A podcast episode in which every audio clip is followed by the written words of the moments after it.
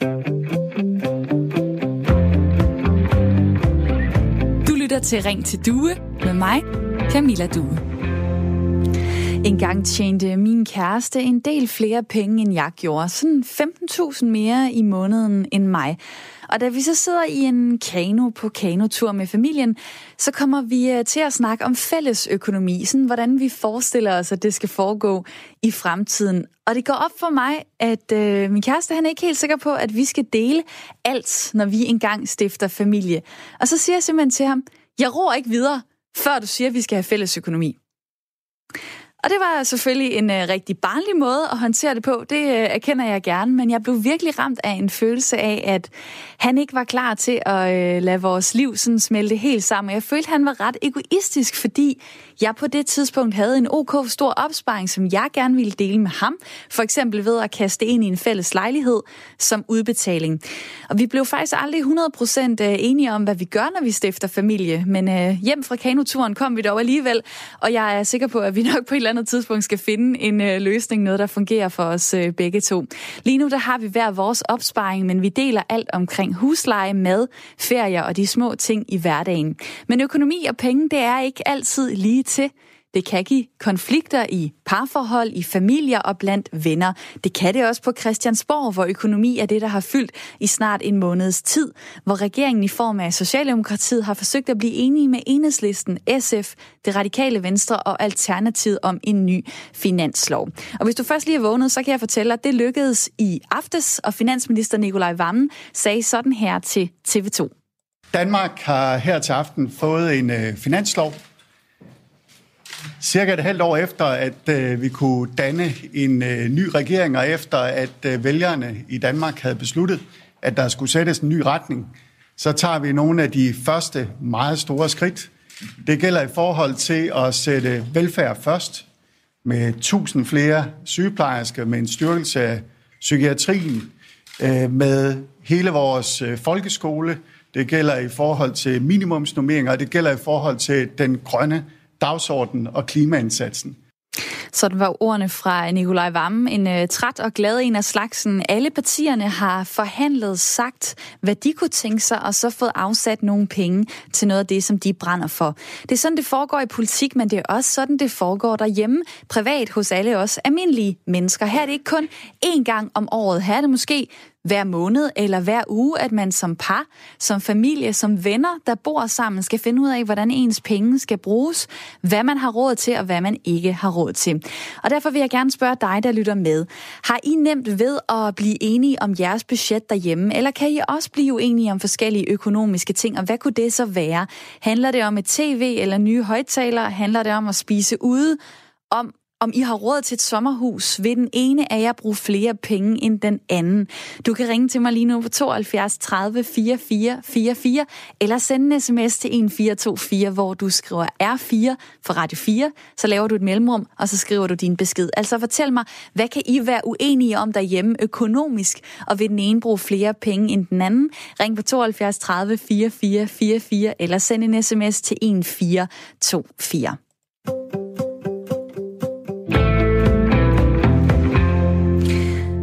har også et lytterpanel i studiet i dag. Det er Sara og Andy. Hej med jer. Hej.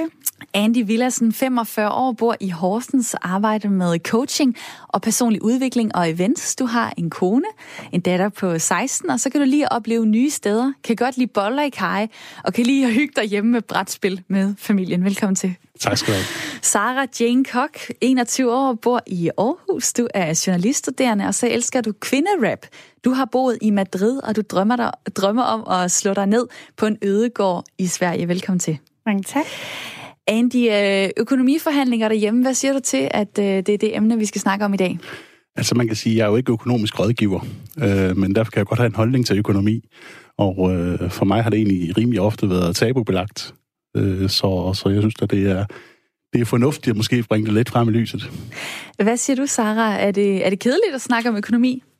Nej, det synes jeg egentlig ikke, det er. Jeg synes faktisk ikke rigtigt, at vi snakker nok om det. Jeg synes lidt, det er sådan en sådan lidt tabubelagt øh, ting.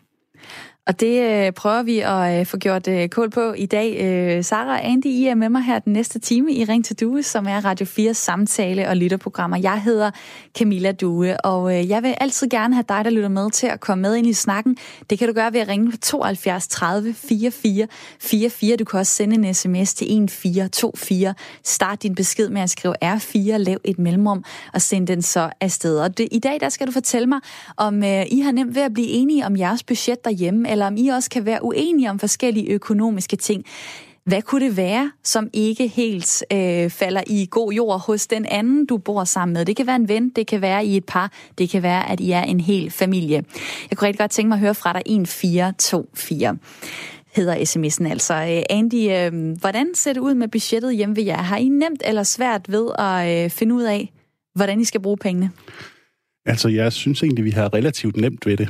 Øh, vi har, vi har altid haft fælles økonomi, øh, fordi det for, for mig har det egentlig virket som om, at jamen, det, det er den must. Altså, hvis man, hvis man er seriøs i sit forhold, og hvis man er seriøs omkring det, man gerne vil, jamen, så kan man også lige så godt være seriøs med omkring økonomien.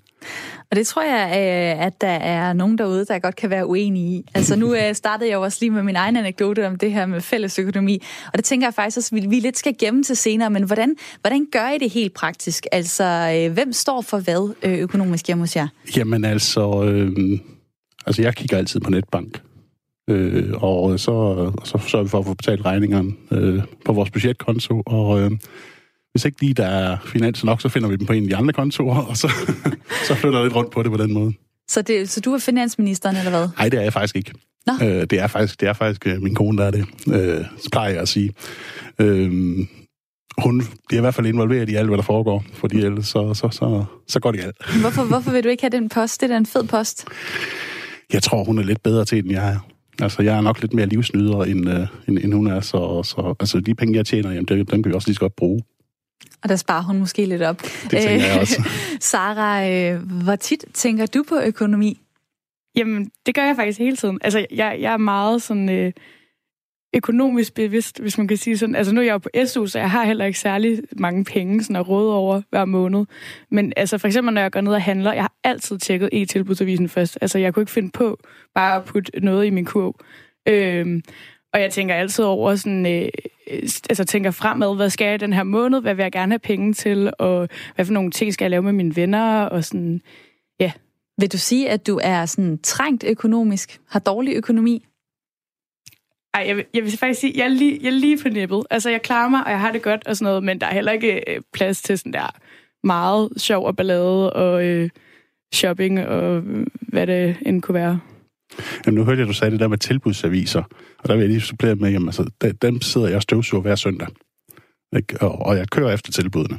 Altså, så, så lidt bevidst er jeg jo da. Okay, du, øh, du spiller ind med noget. Øhm, der er en uh, Tobias, der skriver her på sms'en, og alle politikere er enige om, at der er for meget byråkrati og ligegyldigt arbejde i det offentlige. Hvordan kan det så give mening for Mogens Jensen at bruge tid og penge på en ligegyldig liste over kønsfordeling i bestyrelser? Brug pengene på varme hænder, skriver Tobias fra Aalborg. Der vil jeg gerne sige tak for din uh, sms. Og så vil jeg, øh, har jeg måske ikke fået sagt det tydeligt nok. I dag fokuserer vi ikke på finansloven. Vi fokuserer på fin- finansforhandlingerne derhjemme, hjemme i privaten. Hvordan finder I ud af, hvad I skal bruge jeres penge på, hvis I er et par, hvis I er familie, hvis I bor sammen som venner? Og øh, er der noget, I er uenige om, så kan du ringe lige nu på 72 30 44 44 og fortælle mig det. Du kan også sende en sms til 1424, som øh, Tobias øh, lige gjorde. Øh, Sara, hvordan øh, har du det i forhold til at snakke med din familie om penge? Du har ikke en kæreste, men hvad med dine forældre? Øhm, jamen, altså, jeg tror egentlig, jeg er meget åben over for mine forældre. Øh, men jeg tror ikke, at, at sådan, penge har været noget, vi har snakket særlig meget om øh, i min opvækst. Jeg vil sige, Øh, altså nu har jeg tænkt sådan lidt over det her økonomi det sidste døgn, og altså mine forældre har, været, har været meget opmærksomme på, at mig og min, min søstre ligesom skulle ud og arbejde lige snart vi kunne. At, at hvis der var noget, vi gerne ville have, så måtte vi jo ligesom få et fritidsjob, og så, øh, og så måtte det være sådan. Så jeg tror egentlig, at jeg har været meget økonomisk bevidst, uden at være bevidst om det. Fordi jeg, altså, siden jeg har været 13, så har jeg ligesom haft et job og skulle sådan råde over mine egne penge. Så. Hvad, hvad betyder penge for dig, Andy? Jamen på en eller anden måde, så er det jo frihed øh, frihed til at gøre det, man, man gerne vil. Øh, dog må jeg så sige, at efter jeg er blevet lidt ældre, så, øh, og måske har udviklet mig lidt, så er pengene måske ikke alt alligevel. Fordi der er faktisk også andre ting i livet, der, der er mere værd, ikke? Så Men, det har fyldt mere end gang. Hvad, ja, hvad, hvad, hvorfor gjorde det det? Jamen, jeg havde nok en eller anden tendens til at sige, jamen altså, øhm, hvis, jeg havde, hvis jeg havde en Mercedes, så ville jeg hellere have en Porsche, og på den måde, ikke? Altså, det hele tiden skulle være, det skulle være bedre og bedre. Øh, hvor man så kan sige, jamen, så har jeg været igennem en proces med personlig udvikling, og og det har så gjort, at øh, jeg begyndte at prioritere lidt mere på, på familie og på samvær der i stedet for. Vi har fået en sms øh, fra Simon, der skriver, min kæreste forsørgede mig i to år, da jeg studerede. Nu forsørger jeg hende, imens hun studerer. Det er ikke noget, vi har snakket om, det er bare sådan, det er. Vi har altid slået pengene sammen og levet for det. Det har skulle været dejligt nemt.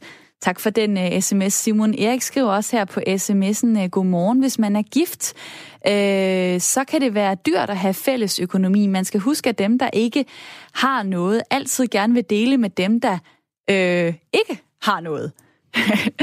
hvad, hvad siger I til det? Altså, uh... altså nu, nu har jeg været gift siden 2001, og øh, øh, har egentlig altid tjent mere end min kone. Øh, men, men, men vi forstår stadigvæk at dele det. Øh, Altså, det går ind på den samme konto, og så, så til det kan jeg ikke se udfordringen i.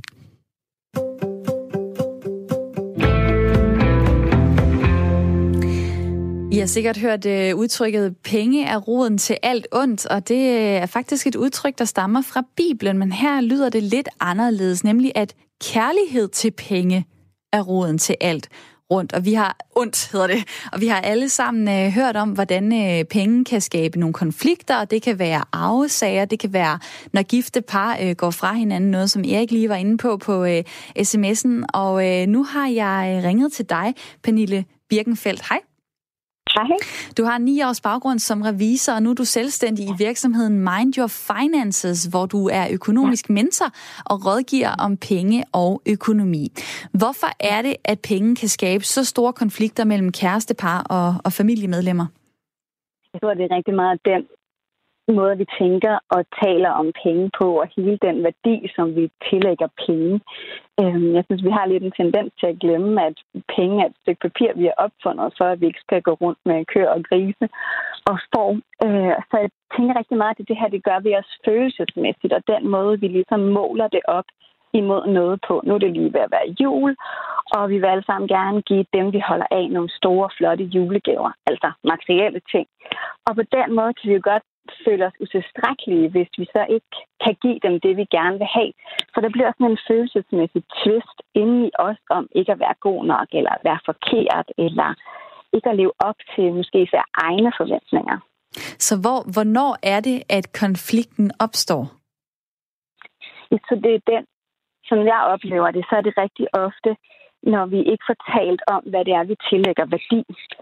Øhm, og vi ikke får sagt, hvad det er, vi egentlig føler, og hvordan vi gerne vil bruge vores penge, især i relation til andre.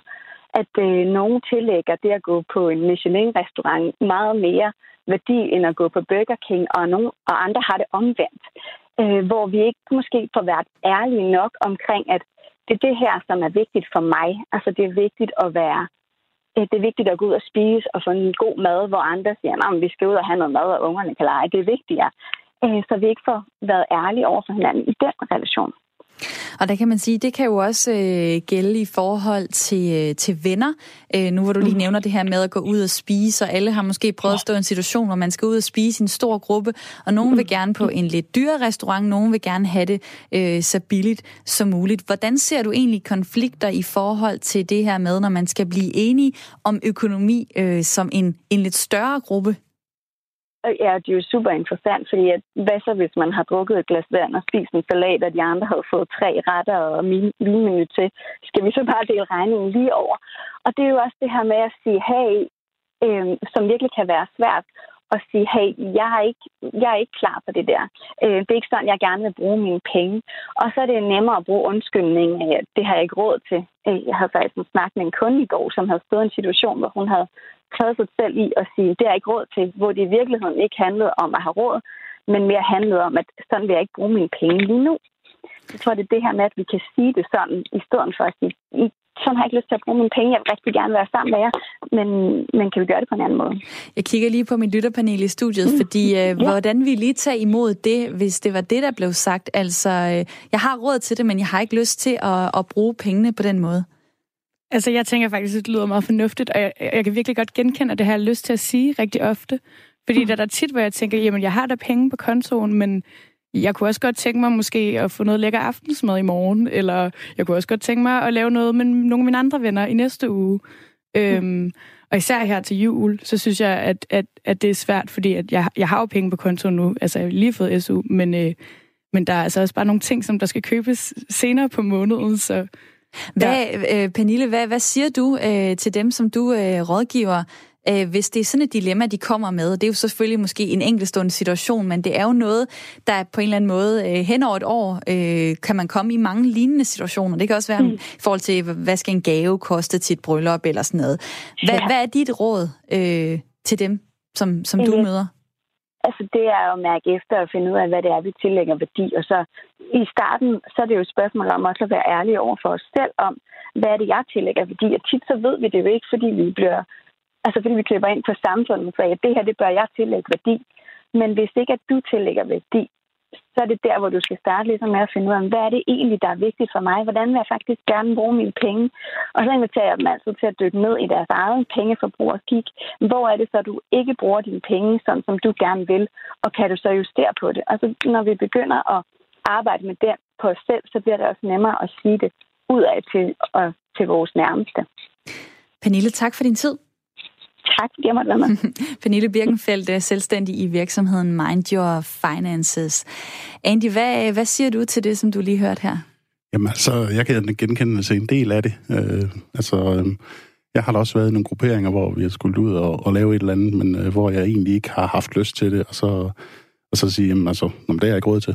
Altså, den, den er jo nem at, at slynge ud, ikke? Men det er måske også bedre at så bare være ærlig og sige, jamen, hallo, det har jeg sådan set ikke lyst til. Jeg har noget andet, jeg skal, ikke? Men kunne det være, hvis man sagde det der med, øh, jeg har råd, men jeg har ikke lyst, så sender man et ret øh, skodsignal til dem, som står i gruppen og gerne vil ind på øh, den der restaurant? Jeg tror det måske, det er lidt det der med at, at holde sig udenfor.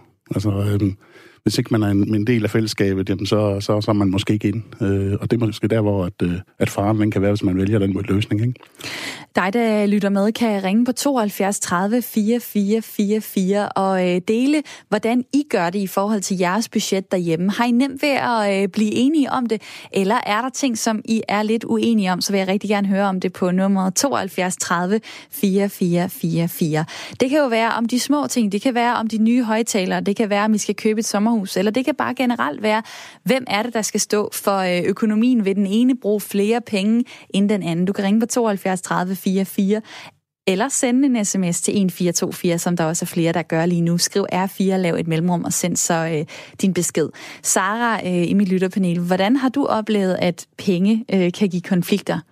Øhm, jeg tror, at især imellem venner, Øhm, det kunne for eksempel være sådan noget med gaver. Det synes jeg tit er et issue. Og jeg tror også, det er, fordi jeg er jo 20'erne, og der, der, der er der bare mange, der har forskellige økonomier. Der er nogle af mine venner, som der har fuldtidsarbejde, og så er der andre ligesom mig, som er studerende. Øhm, og der kan det altså bare være kæmpe forskel på, om man i en vennegruppe ligesom er med på, at vi giver hinanden en hæklet karklud, eller om vi giver hinanden smykker til 500 kroner.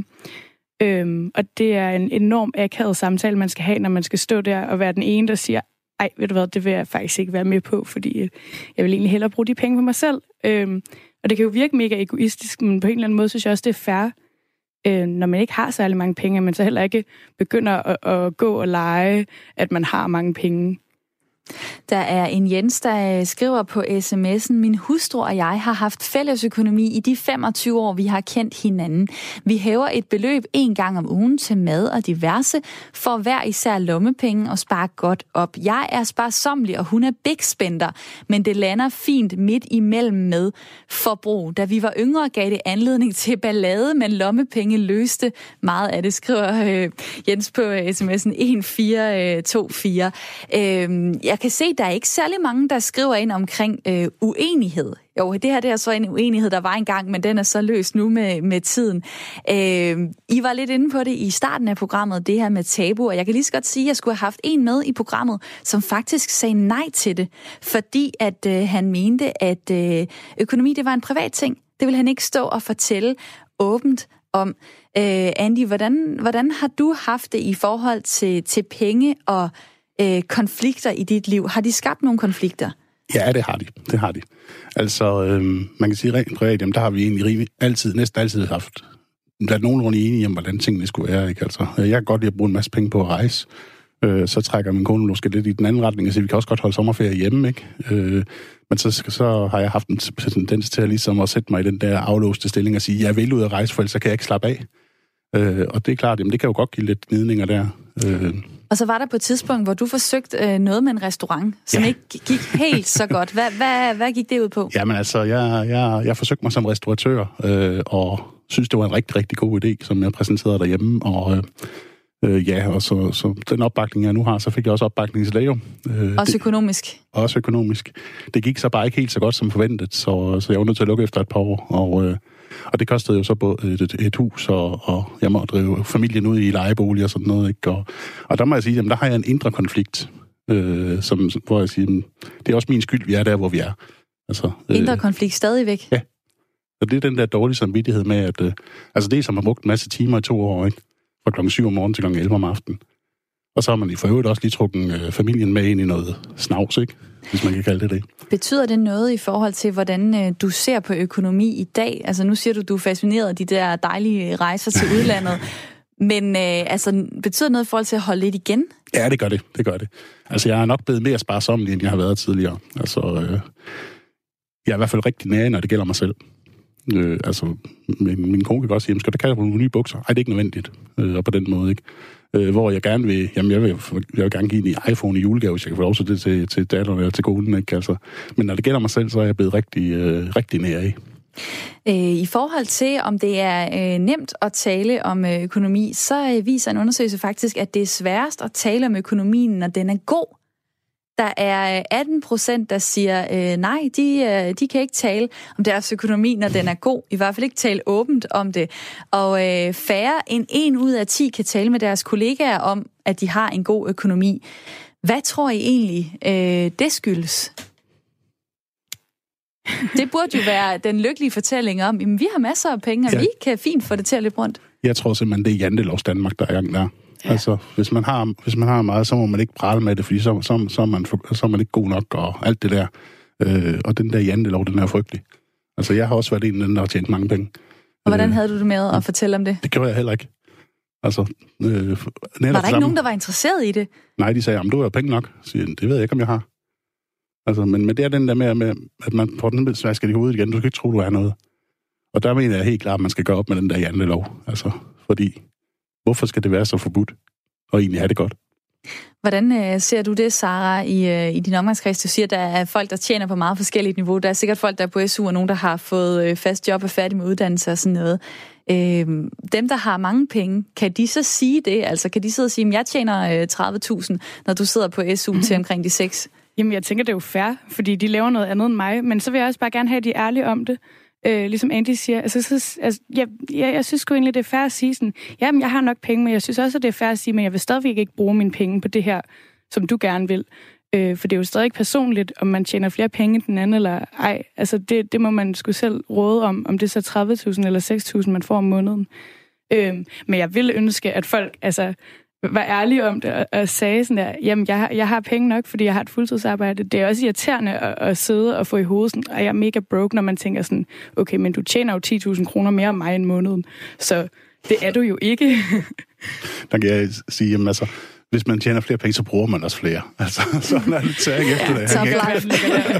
der, er, der er nogle forskellige øh, tendenser inden for økonomiforhandlinger øh, derhjemme, om det foregår i stuerne ved computeren eller øh, køkkenbordet. Øh, flere og flere vælger at øh, køre hver deres økonomi, selvom de bor sammen, og det skal vi høre om øh, om lidt. Så derfor må dig, der lytter med, gerne byde ind på øh, telefon og sms. Har du eller har du nogensinde haft fælles økonomi med nogen? Var der nogle gode fordele ved det, eller kunne du aldrig drømme om det, så må du gerne ringe lige nu på 72 30 4444, eller sende en sms til 1424, skriv R4, lav et mellemrum, og øh, så din besked. Ring til du er tilbage lige om lidt. Nu skal vi have et 4 minutters nyhedsoverblik. Der skal være flere pædagoger i børnehaverne og i vuggestuerne. Det er regeringen, de radikale, SF, Enhedslisten og Alternativet blevet enige om i forbindelse med den aftale om finansloven for næste år, som de aftalte i går. Målet er, at der på sigt skal være tre børn per voksen i vuggestuer og seks børn per voksen i børnehaver. Og det betyder altså, at der kommer minimumsnormeringer i de danske daginstitutioner, siger SF's formand Pia Olsen Dyr. I dag skriver vi faktisk Danmarks historie. Vi sikrer børnene rettigheder, nemlig ved at lave minimumsnummeringer. Det er ingen tvivl om, at det her det har været en hjertesag for SF, både i valgkamp, men også i de her forhandlinger, og sørge for, at vores børn oplever, at der er langt flere voksne i daginstitutionerne. Næste år bliver der afsat 500 millioner kroner til de flere pædagoger, og når planen er fuldført i 2025, så koster den 1,6 milliarder kroner om året. Enhedslistens Pernille Skipper er glad for, at flere pædagoger kommer ud i institutionerne, men hun mener ikke, at pengene reelt rækker til minimumsnormeringer. Det er målet, at vi skal nå minimumsnummeringer i 2025, men det er jo også velkendt, at det kan man tælle på mange forskellige måder, og jeg mener ikke, at vi kan levere det, som jeg opfatter som minimumsnummeringer med den ramme, der er afsat. Vi kan levere et rigtig godt løft. Der kommer rigtig mange flere voksne i institutionerne allerede næste år, og det er vi meget enige om, at det er godt og et vigtigt resultat. Men finansminister Nikolaj Vammen, han mener ligesom Pia Olsen Dyr fra SF, at der kommer til at blive indført minimums, minimumsnormeringer med aftalen. Det mener jeg, at vi gør, når den er, er fuldt indfaset i, i 2025. Altså vi starter med at sætte øh, 500 millioner kroner af til, til daginstitutionerne allerede til næste år, og det vil jo være et løft øh, rigtig mange steder. Men øh, vi ved jo også godt, at man kan ikke lave minimumsnormeringer for, for en halv milliard kroner. Og derfor vil vi frem mod øh, 2025 jo hvert år øh, putte flere penge oveni, hvad vores øh, daginstitutioner har til rådighed. Penge til psykiatrien, et løft af folkeskolen og så altså flere pædagoger i daginstitutionerne. Det er en del af de punkter, som regeringen er enig med de øvrige partier om i finansloven. Og pengene til de forskellige ting, de skal dels findes via forskellige afgifter og besparelser, og så skal nogle af dem også findes i det økonomiske råderum, som er det økonomiske overskud, staten regner med at have frem mod 2025. Det kommer kommende boligejere blandt andet til at kunne mærke, når de skal tinglyse deres bolig, og altså registrere den gennem det offentlige. Tinglysningsafgiften den bliver nemlig sat op hvert tredje år ifølge den her finanslovsaftale. Afgifterne på råstofmaterialer, bekæmpelsesmidler, spildevand og emballage bliver også sat op, og så stiger afgiften på generationsskifte for familievirksomheder fra 6% i dag til 15%. Regeringen og dens støttepartier vil også aflyse den planlagte skattelettelse på en arbejdsgiverbetalt mobiltelefon. Prisen på en pakke cigaretter kommer til at stige, og afgiftssatsen på vedmål og online casino den kommer også til at stige. Luftforureningen i det røgindhyllede Sydney og omegn i Australien er tre gange så slem som på noget andet tidspunkt de seneste fem år. Det viser tal fra Miljøministeriet i delstaten New South Wales. Efter mange bushbrænde har havet delstaten har Sydney været præget af røg. Det rapporterer det australske medie ABC. Mandag og i går, nej undskyld, i går og i dag har Sydney været indhyllet i røg, fordi en stor brand blandt andet haver i nationalparken Blue Mountains, og en kraftig vestenvind har sendt røg og aske fra brændende ind over Sydney. I flere af de østlige og sydvestlige forsteder, der vågnede borgerne også op til aske på biler her til morgen. Ifølge avisen The Daily Telegraph, så advarer delstatens ambulanceservice om, at luftkvaliteten er så dårlig lige nu, at det kan være sundhedsfarligt, også for folk, der ikke normalt har sundhedsproblemer. Der er stadig 199 brænde i hele delstaten, skriver brandvæsenet på Twitter. Først på dagen får vi lidt sol i de østlige egne, men ellers er det altså en skyet omgang i dag, der også giver regn de fleste steder. Temperaturerne de ligger mellem 5 og 10 grader.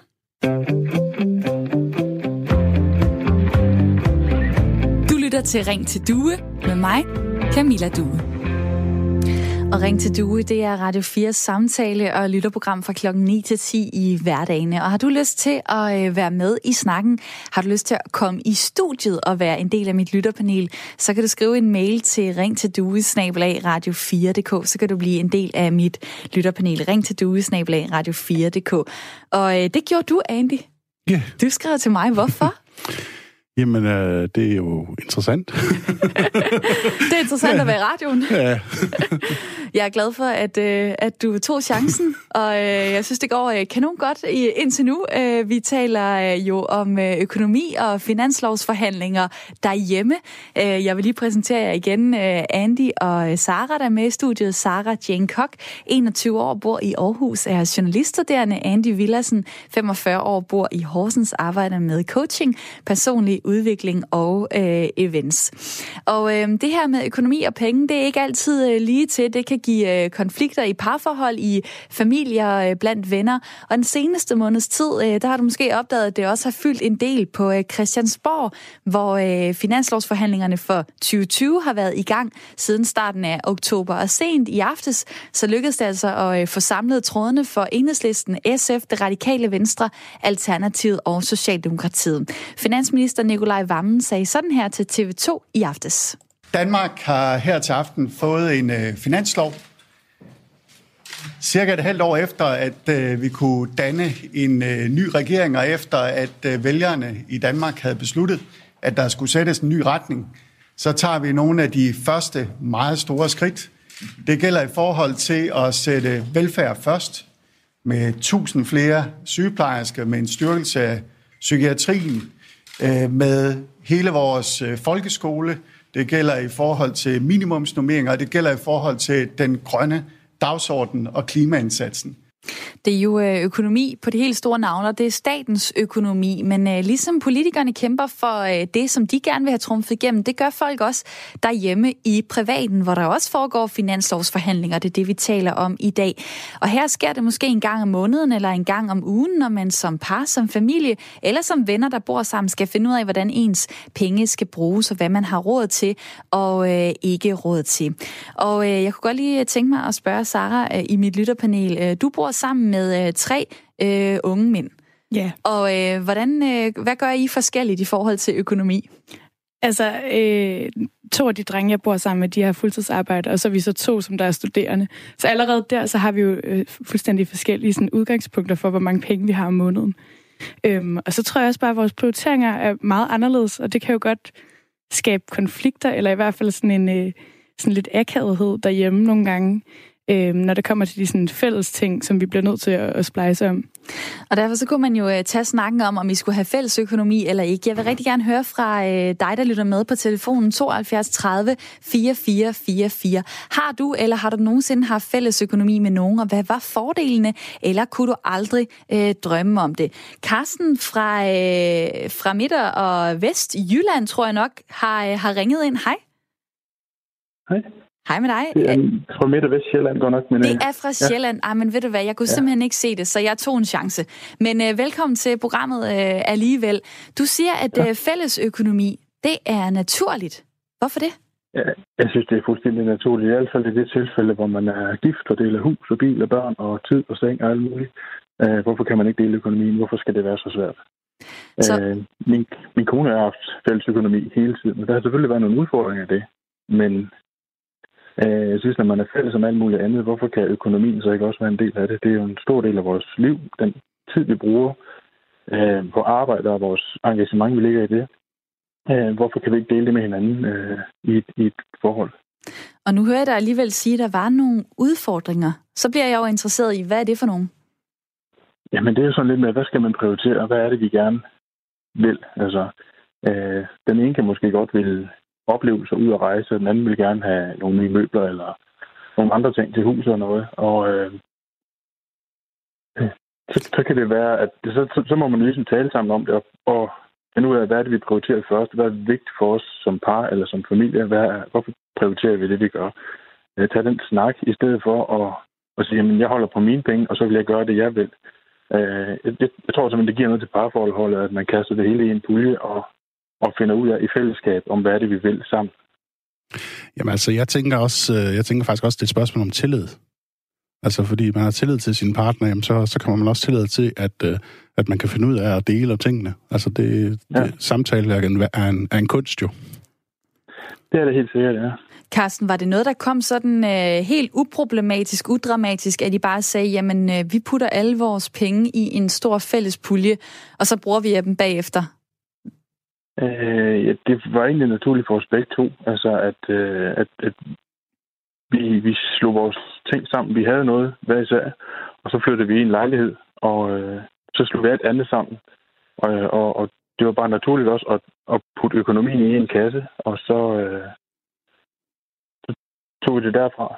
Øh, talte om, hvad det var, vi prioriterede, hvad, hvad det var, vi ville nu, og hvad vi måske ville senere, og, og, og lave en plan for vores økonomi. Der er en uh, Tina, der skriver ind på sms'en her, hej, fællesøkonomi er altså for naivt. Deleøkonomi har intet med kærlighed at gøre. Der vil altid være en, der bliver forfordelt. Hvad med fælles gæld, arv osv.? Ej, drop det og forbliv venner skriver uh, Tina på uh, sms'en. Karsten, er du slet ikke uh, bekymret for, at det kan give nogle uh, problemer, det her med, at I, uh, I samler uh, alle jeres penge? Nej, det synes jeg ikke. det lyder da dejligt. Det, øh, altså, der er nogle udfordringer i det, men, men jeg synes, det andet, det virker sådan lidt skyttegravsagtigt. Jeg sidder i min skyttegrav, og så vil jeg passe mit, og så kan du sidde din egen. Der drejer sig om økonomi, men man kan, dele, man kan have fælles lån i et hus og bil og alverdens ting. Men, men de penge, vi sådan skal bruge, dem vil vi godt selv stå for. Og, øh, og jeg vil da godt give, hvad det Gina, hun hed, i, at vi skal forblive venner. Ja, men, men, men nu er jeg den gamle skole, jeg har kastet mig ind i et ægteskab, og det giver jeg mig fuldt og helt til. Øh, I den tro og tillid til, at, at det her, det er det. Øh, jeg tænker, hvis man i et forhold holder tilbage på ting, så er det bliver ikke gået ordentligt ind i det. Og det kan det godt være, at jeg bliver der er nogen, der er uenige med mig. Det er upopulær på. Lad os nu se. Uh, Carsten, tak fordi du ringede ind. Det tak. Og det var på nummeret 72 30 4444. Og hvis du er uenig med Carsten, så kan du jo sende en sms 1424, skriv R4, lav et mellemrum, og så din besked. Du må da også gerne skrive ind, hvis du øh, er fuldstændig enig i, at har man ikke fælles økonomi som par, så er man bare øh, skide egoistisk. Øh, du står og markerer, Annie. Jamen det gør jeg, fordi den, den, den provokerer mig lidt, den der øh, sms der. Fordi jeg forstår egentlig ikke meningen. Øh, jeg vil godt have den uddybet lidt. Det, det, det kunne være meget rart. Det kan vi jo uh, bede øh, Tina fordi, om, hvis hun stadig lytter med. Fordi man kan sige, jamen altså for vores vedkommende, jamen altså vi har hver sin pensionsopsparing. Er det det, der er problemet, eller, eller hvordan? Ja. Altså, øh, det der jo kan ske, det er jo, at øh, fakta er, at 4 ud af 10 ægteskaber går i vasken. Øh, så øh, der kommer nogle problemer med, i forhold til, at øh, penge skal deles. Og øh, hvis man så har smidt alle pengene i en pulje, så kan det være, at man tænker, hov, jeg ville gerne have haft mere ud, end det jeg får. Men er man så ikke egoistisk? Det kan jo være. En måde, man kan løse det på, øh, det er jo med øh, en ægte pagt. Øh, det er et af de råd, som samvirke, sam, hjemmesiden Samvirke giver, som jeg lige har været inde og læse på. Fordi hvis man har for eksempel børn fra et tidligere ægteskab, eller den ene nu ejer Øh, mere end den anden, øh, så man tænker noget, man gerne vil beholde, så kan man jo vælge at få lavet en, en ægte pakke, så man ligesom er, er sikret i det. Øh, har du tænkt over det, Andy, med din kone? Nej, Altså, for, for, nu, er jeg ikke, nu er jeg ikke blandt dem, der, der jeg føler, der har behov for en ægte pagt, altså. men, men det er da klart, at altså, hvis det, det, det skulle ske en gang, at vi ikke skal være sammen med, hvilket jeg ikke tror, for vi har været sammen siden 1993, ikke? Der er jo øh, mange, der har været sammen siden 1993, ja, det, det, det, så det gik den ikke alligevel. Det må jeg bare sige. Okay, ja, ja, men altså, vi har ingen planer om det i hvert fald. altså, så, så håber jeg da, at vi begge to er fornuftige mennesker og kan snakke om tingene. Altså, og det, det, det har vi været indtil nu, så, så det regner jeg også med, at vi kan være i fremtiden. Når det drejer sig om øh, privatøkonomi, så øh, er det jo øh, for langt de fleste øh, tilfælde noget, der foregår i par eller i øh, familier. Men hvordan er det egentlig lige, vi øh, laver de der finanslovsforhandlinger hjemme i øh, stuerne? Det kan jeg spørge dig om, forbrugerøkonom Ina Dea Anne Lehmann Eriksen. Hej. Hej. Hvordan øh, klarer øh, de fleste danskere øh, finanserne på, øh, på hjemmefronten? Jamen altså, egentlig er vi jo ret gode til at tale om det. Øh, jeg har undersøgt det her på kryds og tværs i flere gange, og det er ikke så mange, der faktisk siger, at det er svært at tale om det. Øhm, så vi klarer den øh, med forskellige tips og tricks. Man kan sige, at vi er meget gode til at dele sig udgifterne, men øhm, det vi kan se er også, at man, man har hver sin konto mange gange, så man har nogle penge til sig selv, hvor man ikke behøver at gøre regnskab over, hvad man lige har brugt hver en 100 kroner på. Jeg har set en øh, undersøgelse, øh, som viser, at øh, i 2010, der havde 68 procent af de danske par fælles økonomi. Og så i 2017, altså for et par år siden, der var tallet faldet til 53. Altså en tendens om, at færre har fælles økonomi. Hvad skyldes det? Jamen, altså, vi, skal lige for, vi skal lige være enige om her, øh, fælles økonomi. Det er noget med, hvordan man har sine konti. Øh, vi deles stadigvæk om udgifterne, men der, hvor vi ser det store fald, er, at øh, hvor man tidligere mange gange havde en konto, hvor begge øh, løn gik ind, og så trak man derfra, så har man nu meget højere, at man har hver sin konto, og så har man en fælles konto til noget med nogle udgifter. Altså man kan sige, at tendensen er, at vi, er, vi bliver mere individuelle, øh, så vi ikke skal stå til regnskab for hver en krone, vi bruger. Vi vil gerne have noget til os selv. Gerne en ordentlig luns. Andy i mit lytterpanel vil gerne lige sige noget. Jeg skal bare lige høre ja. dig. Er, er det gammeldags at have fælles økonomi? Nej, det er, det er stadigvæk ret moderne, men det er bare måden, vi gør det på.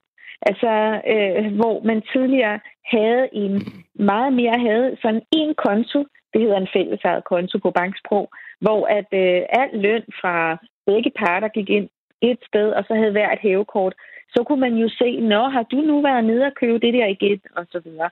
Der er vi mere mod, at hver har sin egen konto, hvor deres løn går ind, og så overfører man penge til en fælles konto. Så det er mere noget aktivt. Og så kan man jo heller ikke kigge hinanden i kortene på samme måde, som man kan, hvis der kun er én konto. Men betyder så, så det, det ikke, altså, så kan man jo sige, jo jo, vi, vi deler som udgifterne, det giver jo øh, mening, da vi bor det samme sted og spiser mad fra ja. det samme køleskab. Men et eller andet sted øh, handler det så ikke om, at folk de vil, de vil beholde deres egen penge på deres egen konto og kunne styre øh, mere, hvad de øh, køber? Jamen, der har du fat i det rigtige. Altså, vi, vi har bare... Øh, ja, vi har trang til at kunne kontrollere. Det er måske sådan... Vi er måske... Og kan lide at være mere kontrollerende. Øhm, og så slipper man også for skændes. Fordi af samme undersøgelse, der kan man jo også se, at der er ikke så mange, der er jo ikke sådan de store skænderier, øh, og vi er også meget gode til at lyve lidt for hinanden omkring, hvis en spørger, nå, har du fået nye sko, hvad kostede de? Ah, ved de var på udsalg, det kostede ingenting, ikke? Så, så sådan, øh, øh, ja, men, men det er sådan, det er, og sådan, og sådan klarer vi det. Og, og hvis man spørger danskerne, om de er tilfredse med deres indflydelse på økonomien i deres parforhold, men så er de jo de mest tilfredse i hele Norden. Vi er super tilfredse, fordi vi mingelerer det. Vi klarer det. Jeg kunne godt lige tænke mig at øh, høre, øh, der er ikke særlig mange, der har på sms'en i dag har fortalt om, at de har været uenige. Altså, at de er, har nogle øh, økonomiske konflikter derhjemme, som de har svært ved at få løst, fordi der for eksempel er en, der vil øh, købe mere end, end den anden. Øh, hvad er din erfaring? Altså, øh, er det noget, som, som folk... Du siger, at man har tilfredshed med at, at, at, at have den indflydelse, man har, men øh, er det bare fordi, vi ikke tager konflikten? Nej, altså der er selvfølgelig nogen, der skændes. Men, øh, men, men, men det er jo, det er jo, der jo, kan jo også være nogen, der er konfliktsky, og så kan man jo bruge andre metoder. Ikke også? Fordi at så kan man jo bare gemme sin indkøb, hvis nu man har det med, man kan godt lide at købe ting, så gemmer man bare poserne inde i skabet. Det kan vi se, det er der mange, der gør, og mænd gør det også. Øh, eller man kommer til at ned, altså sige, at, at ting koster mindre, end den rent faktisk kostede. Og når man så har hver sin konto, så er det jo ikke sådan, at øh, den anden part kan gå ind og se på dine konti, medmindre du har givet den tilladelse. Ellers kan du jo kun selv se din egen konto. Så på den måde, så kan man sige, øh, konflikt, der er jo mindre konfliktstof, hvis, øh, hvis man ikke har fuld indsigt i hinandens konti. Men, men i sidste ende skal regningerne jo betales, og det bliver de også, øh, og man finder ud af det. Men, øh, men altså, der er ikke utrolig meget utilfredshed derude. Det er der ikke. Tværtimod, der er utrolig meget tilfredshed. Og igen, større, end vi ser hos naboerne i både Norge og Sverige. Anne Lehmann Eriksen, tak for din tid. Værsgo. Forbrugerøkonom øh, i Dea, Og øh, der kunne jeg godt lige tænke mig at øh, bringe nogle tal i spil, fordi øh, kvinder er dårligere til at snakke om økonomi end øh, mænd. Øh, er der nogle tal her, der viser, det er især kvinder øh, i alderen øh, 29 til 65 år, som øh, er aller værst til slet ikke at tale om nogen, øh, med nogen, øh, særligt hvis de har øh, dårlig økonomi. Og øh, der er også 16 procent, der siger, det er rigtig svært at tale øh, om øh, dårlig økonomi. Sara, kan du genkende det? Altså både det her med, at øh, kvinder er dårlige til at snakke om økonomi, og at særligt hvis man har en dårlig økonomi, så er det svært. I, altså, jeg ved ikke det der med, med, med om, om det er særligt af kvinder. Jeg tror, at for mig så snakker jeg mere med et udgangspunkt om at være ung, men øh, jo, jeg kan, jeg kan virkelig godt genkende det. Og jeg tror, øh, jeg tror generelt, at vi snakker alt for lidt om økonomi. Øh, jeg oplever i hvert fald rigtig meget, at det, er, at, at det er et tabu at sige, hvad man har på kontoen, eller hvor mange penge øh, ja, ja, man tjener. Øh, og jeg kunne da godt forestille mig, at det, at det er sådan noget, der gør, at folk de tager lån, for eksempel. Især unge mennesker, der tager kviklån eller SU-lån. Jeg gik i gymnasiet med en, der tog SU-lån for at købe et par dyre sko. Og det tror jeg, der bunder i en, øh, en fuldstændig urealistisk forestilling om, hvad man skal bruge sine penge på, øh, og, og hvor mange penge man bør have, og om, at man bør have dyre sko som øh, 18-årig. Øh, ja. Vi, øh, vi kunne jo så høre øh, på øh, Anne Lehmann øh, Eriksen fra Nordea, at det er ikke gammeldags at have fælles økonomi. Alligevel øh, så er der øh, nogen på sms'en her, der ikke er helt glade for det. Jeg har dårlig erfaring med fælles økonomi. Ham, I snakker med, må være naiv, skriver øh, Tommy. Så er der en, der skriver her, aldrig fælles økonomi. Efter 33 år stjal min eks alt. Og der er en, der skriver, øh, min kæreste og jeg er stadig i gang med at finde ud af, hvordan vi skal gøre i fremtiden. Når han foreslår at dele lige op, bliver jeg lidt ked af det. Han kommer til at tjene meget mere end mig resten af livet, og jeg ved, jeg kommer til at stå for vores fremtidige børn og hjem. Kan man sætte en pris på værdien af at hente tidligt at lave et hjem? Jamen, jeg kan høre, at jeg er ikke helt så gammeldags endda, fordi det er faktisk ikke helt fælles økonomi, ifølge hvad hun siger, fordi vi har hver sin konto. Så, okay. så vi er ikke helt, uh, vi er ikke helt gamle. Ja, men der er, uh, der er simpelthen forskellige uh, versioner af det her. Uh, der er det her med, at man kan have hver sin konto, og så kan man have en fælles konti, uh, konto til, til budget og faste udgifter. Der er også det her med, uh, at man har den der helt samlet, og så er der også den helt adskilte med, med hver sin konto. Og de tal, jeg har set, der er tendensen i hvert fald, at alt bliver mere og mere individuelt. Altså, det er jo ikke sådan, det er væk, det der med, at alle pengene kommer ind i en stor øh, portion, men, øh, men der bliver øh, mindre og mindre af det. Øh, nu er der en, der har øh, ringet ind til programmet fra Vallensbæk. Hej med dig. Ja, hej. Og hvem er det, jeg har med her? Jeg hedder Mentor. Hej Mentor, velkommen til hej. programmet. Du er fan af fælleskonto. Det er jeg i hvert fald. Øh, det, nu har mig og min kone, vi har jo, øh, altså vi har fem øh, kontorer på vores, skal man sige, ikke? Hvor vi har en øh, lønkonto, en fælles eller en budgetkonto, en opsparingskonto, og så har vi hver vores konto. Og hvordan øh, foregår det, når jeres øh, lønindtægter øh, kommer ind? Altså, der bliver der automatisk overført et vist beløb hver måned til budgetkonto, og et vist beløb over til vores madkonto, hedder det. Øh, og så er, der et, øh, så er der nogle vist beløb, der ryger over til min konto og hendes konto, som er udelukkende til os selv. Øh, og så det resterende, vi ryger over i opsparingskonto. Så I har noget, som I øh, deler op. Hvorfor gør I overhovedet det? Det er netop for at få den her, den her med, at fordi min kone har det med, når hun shopper, så har hun dårlig samvittighed. Det havde hun før, inden vi havde fælles økonomi, at hun fik dårlig samvittighed, hvis hun lige købte øh, en kjole til 3.000 for eksempel, eller et eller andet, ikke? Øh, og så har vi bare sagt, ved du hvad, jeg har tænkt, jeg bruger ikke særlig mange penge på, på tøj og alt diverse. Så jeg har sagt, ved hvis du får det bedre, så lad os gøre det på den her måde her. Øh, så skal hun ikke tænke over, at det går ud over økonomien eller noget, ikke? Og det har hun det rigtig fint med. Så skal jeg lige forstå, ja. øh, tager I så, nu siger jeg bare et beløb, tager I så 2.000 ud til jer hver, øh, eller får hun så mere over på sin øh, individuelle konto? Ja, hun får så lidt mere, øh, fordi hun har lidt højere forbrug, og det har jeg så ikke. Øh, så hun får lidt mere, men hun får 2.000 øh, hver måned, øh, hvor der er, jeg så får 1.500 hver måned, ikke? Og det, er du, øh, det har du det helt godt med? Ja, ja, udmærket. Altså, jeg bruger ikke engang 1.500 om måneden. Det er meget sjældent, jeg køber. Jeg er ikke en af de der, der går ud og shopper stort eller noget, ikke? Øh, så, men det, altså, jeg har det bare sådan, når man er fælles om noget, jamen, så skal man altså også dele alt. Man skal bare nå til enighed om, at, ved du hvad, er det det, vi aftaler? Og så kører det bare derud af jo. Tak for øh, det budskaber, fordi du vil øh, dele alle dine øh, personlige måder at gøre det på, men så tak for din mm. tid. Det var så lidt en rigtig god dag. I lige måde. Der er også en uh, anden, der har ringet ind til programmet. Det er uh, Nils fra uh, Nordsjælland. Hej med dig. Hej med dig. Jamen, økonomi, det er jo meget vigtigt, fordi det giver jo ro i sjælen, hvis der er styr på det. Og derfor så skal vi have fælles økonomi, eller hvad? Jamen, øh, jeg synes, hvis man er meget enig, øh, og hvis man er øh, soulmates, du ved, og man øh, fuldstændig øh, har styr på alt det der med økonomi, og hvad man vil bruge penge til, og, og så videre, så synes jeg ikke, der er nogen umiddelbar grund til, at, at man ikke kan have det. Men, øh, men jeg synes, at det, der er, er god grund til, det er at have en, at have en sund økonomi. Altså det vil sige, at i stedet for måske at leve af bankens kassekredit eller et eller andet, og være fanget af det, så burde man op, op, øh, altså lave en ekstra bankbog, hvor man så lavede en opsparing, man kunne låne af, af sig selv, øh, i stedet for at låne banken. Ikke? Det kan jo være øh, meget forskelligt, øh, hvad man tjener. DR.dk øh, har talt med, med nogle kærestepar, øh, blandt andet, hvor kvinden tjener mest. Jeg læser lige lidt op her. Frida tjener det femdobbelte af mig om året. Det har jeg det sådan set fint med. Det betyder, at øh, hun giver mig nogle muligheder, muligheder som iværksætter.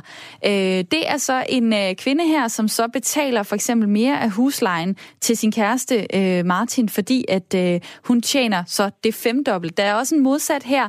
Manden tjener mest. Det er en Nikolaj, som er i e IT-branchen, mens den 23-årige lærerstuderende Sine, hun siger her, jeg føler mig mega afhængig af Nikolajs økonomi, for jeg vil ikke kunne bo i vores lejlighed alene og klare mig med mine midler. Det er mega frustrerende, for jeg vil også gerne bidrage. Altså, det er jo måske øh, giver meget god mening, hvis man begge to tjener det samme, og så bare øh, splitte alt. Men altså, hvis, hvis den ene nu øh, er på SU, og den anden tjener 40.000 i måneden, skal man så virkelig dele alt? Ja, det er jo et udmærket godt spørgsmål. Altså, øh, det kommer an på, hvor meget man elsker hinanden. Hvis man elsker hinanden rigtig meget, så synes jeg, det er helt okay. Men, øh, men, men så skal man ikke have nogen hard feelings, hvis det, hvis det så går helvede til på et eller andet tidspunkt. Så må man bare sige, jamen øh, det var, det var sjovt, så længe det varede, ikke? Nils, tak fordi du ringede ind til programmet. Velkommen. Ja, til tak. Og tak fordi, at uh, du lytter med. Nils kom igennem ved at ringe på 72 30 44 44. Men altså, det var, det var sådan lige et supplement til, til Nils der, at hvad hedder det, øh, det handler jo et eller andet sted også det, om, at det, i den ene periode, jamen, der kan det måske være, at det er den ene, der tjener mig, og den anden periode, der kan være den anden. Ikke? Altså, så i den sidste ende, så, så, så går det nok lige op. Vi, vi har øh, fire minutter tilbage. Vi skal lige nå at, øh, at runde det her med, øh, at øh, det kan være tabu at, øh, at tale om øh, øh penge. Jeg har været inde på, at der er 16 procent, der siger, at det er svært at tale om dårlig økonomi. Der er 18 procent, der siger, at det er svært at tale om god økonomi. Øh, Hvordan synes I, at vi skal komme ud over det her med, at man ikke kan nævne, hvad man tjener, eller at man ikke kan tale fuldstændig åbent om, ligesom Mentor gjorde, på, øh, da han ringede ind, jamen vi gør det sådan, 2.000 der, 1.500 der osv. Hvordan kan vi komme væk fra det, at det skal være så tabubelagt? Altså, jeg, jeg tænker lidt, at sådan, øh, måske så skal vi alle sammen bare lige slappe lidt mere af. Altså sådan, øh, Øh, prøv lige at, at passe din egen tallerken, og så, så vær cool med, at der er nogle andre, der tjener mere end dig, og der er nogle andre, der tjener mindre end dig. Øhm, fordi det er jo sådan, det nogle gange er. Øhm, og så tror jeg bare, hvis vi snakkede lidt mere om det, var lidt mere ærlige over for hinanden, i stedet for hele tiden at gå og, og sådan finde på undskyldninger og sådan, så, så kunne vi måske have det lidt mere altså okay med, hvor vi selv var i vores egen økonomi. Andy, du har været igennem en rejse, hvor du først øh, holdt øh, økonomien meget privat, og mm. så nu vil du åbne op og stå her i radioen og fortælle mm. om det. Hvad er der sket der? Jamen, jeg tror, det er lidt den der med, jamen altså, et eller andet sted, så, så, så er det ikke flot. Altså, jeg er jo ikke den eneste, der er gået ned med et eller andet. Altså, det er der jo mange rundt omkring, der er. Øh, men, men det kræver altså godt nok lige en, en anden tankegang, at man, man så lige lukker op for det, ikke? Altså, fordi jeg havde den der med, jamen altså, hvad, hvad tænker, hvad tænker familien, hvad tænker vennerne, hvad tænker, hvad tænker de, når de hører det, ikke? Altså, øh, og det er nok mere den der med, jamen altså, man er, man er bange for at blive dunket oven i hovedet, og du gjorde det heller ikke godt nok. Jeg tror egentlig, det er der, den ligger. Øh, ham, der skulle have været med i mit øh, lytterpanel, øh, han var i, øh, i 60'erne og, og havde jo den her holdning, øh, en, der ikke kom med i lytterpanelet, jamen det er simpelthen for privat. Det vil jeg simpelthen ikke tale åbent om. Så gik jeg lige ind og fandt øh, et par tal på det, og der kan jeg se, at unge under 26 er de mest åbne i forhold til at tale øh, om dårlig økonomi. Halvdelen taler åbent med familie og, øh, og venner øh, om det, men at tabet ligesom vokser med alderen. Og nu fortæller han faktisk, at han havde en god økonomi økonomi. Øh, men det har jeg jo så også øh, vist, øh, eller fortalt jer om, at, øh, at det er der også mange, der synes, at det er svært at, at tale om. Øh, det er jo så måske en, en generationsting. Nu står du her, Sara, du er 21 år, og du siger bare, jamen åbne nu op. Er det bare fordi, du ikke har, har lært endnu, at det er altså noget privat noget? Nej, jeg, jeg tror sgu egentlig, at vi har et tilfælde af, at, øh, at de voksne, de skal måske lige lære af os unge mennesker så, Øh, jeg tror virkelig ikke, at det er sundt at have så, så lukket et forhold til det. Øh, jeg, jeg tror virkelig, det ender ud i nogle øh, grimme lån og øh, ubehagelige situationer. Øhm. Andy, hvad, hvad kan vi få ud af at, at bare simpelthen helt ærligt sige, hvad vi tjener, hvordan vi gør med, med vores penge, øh, hvem der betaler for hvad derhjemme? Jamen, jeg ved ikke, jeg ved ikke sådan lige udenbart, hvad man kan få ud af det, men, men et eller andet sted, så er der måske nogle ting, der bliver nemmere. Altså, hvis, hvis man ikke behøver at gå og hemmeligholde noget, jamen, så, så, så vil alting være nemmere. Ikke? Men jeg tror, det, jeg tror, det bliver en, en sej kamp. Det er en kulturændring, der skal i gang. det råd, som jeg uh, tager med mig i dag, det er det der med at sige, um, at det er lovligt at sige, uh, jeg har råd til det, men jeg vil ikke bruge penge på det. Mm-hmm. Det synes jeg faktisk var meget god. Uh, den hørte vi uh, tidligere i programmet. Vi uh, har ikke mere tid nu, men jeg vil sige mange tak, Andy Villersen, fordi du kom. Sara Jane Kok, også uh, tak for uh, din tid, og uh, tak for alle gode sms'er, og til dem, der uh, ringede ind.